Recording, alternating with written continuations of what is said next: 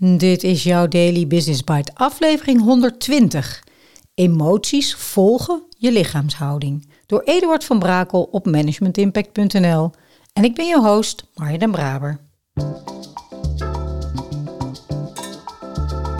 Je luistert naar Daily Business Bites met Marja den Braber waarin ze voor jou de beste artikelen over persoonlijke ontwikkeling en ondernemen selecteert en voorleest. Elke dag in minder dan 10 minuten.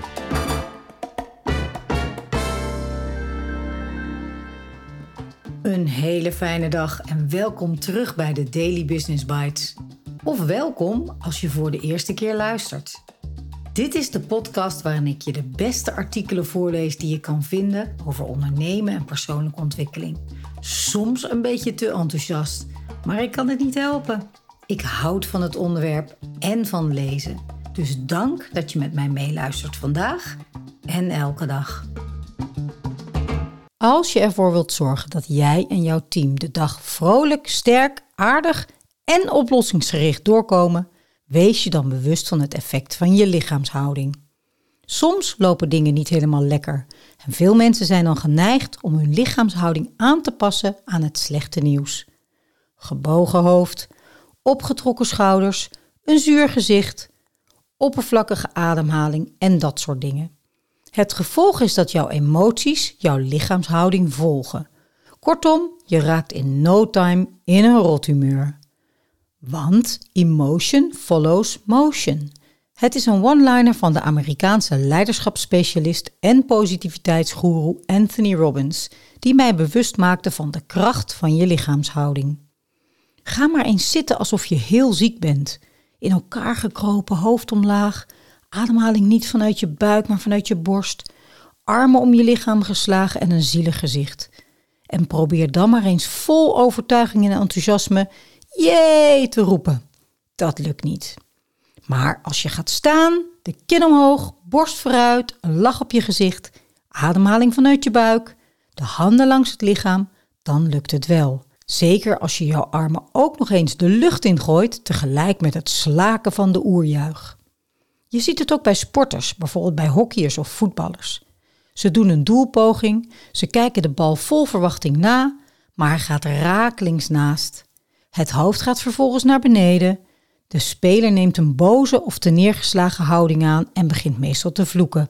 Let er echt maar eens op. Je ziet dat de spelers eerst hun houding aanpassen en pas daarna de negatieve emotie tonen. En bij de spelers van de tegenpartij is de houding in zulke soort gevallen meestal precies andersom. Bedenk dus dat een gebeurtenis op zich geen betekenis heeft.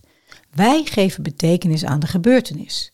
Om het voetballen er maar weer even bij te halen.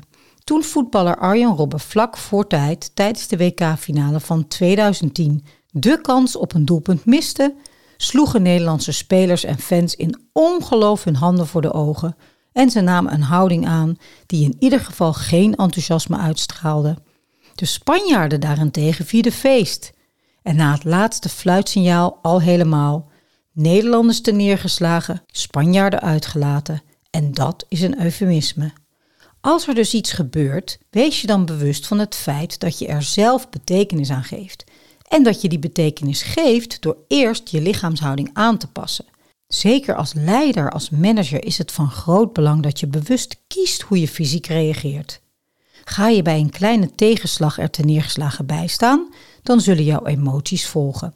En je team volgt jou omdat jij de leider bent. Het team zal de te neergeslagen houding overnemen en dan weet je één ding zeker. Het duurt nog even voordat de oplossing van het probleem dichterbij is. Terwijl je ook kan zorgen dat je mentaal in een peak state blijft.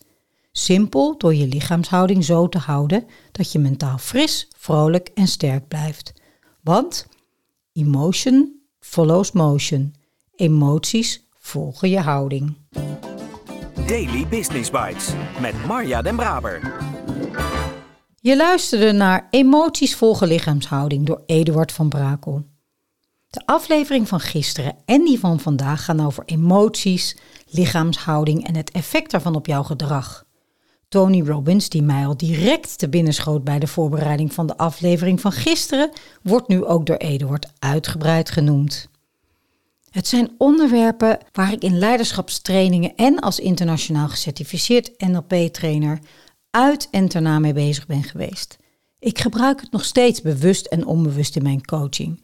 Maar als ik dit nu weer zo lees, is het ook leuk om dit weer eens als een specifiek onderwerp neer te zetten. Het is natuurlijk niet altijd zo makkelijk zoals hier beschreven staat. Verander je lichaamshouding en je blijft in een peak state en alles komt goed. Maar het werkt wel heel erg mee. Het is krachtig om je in ieder geval te beseffen dat je niet alleen je hoofd meebrengt, maar dat je hele lijf meedoet. En in dat lijf gebeurt nog veel meer, wat ook van invloed kan zijn op je gedrag. Maar je kunt het maar beter effectief inzetten, toch? En wetende dat ook Vera een NLP-training gaat volgen, begint het toch weer te kriebelen. Ik spreek je graag maandag weer.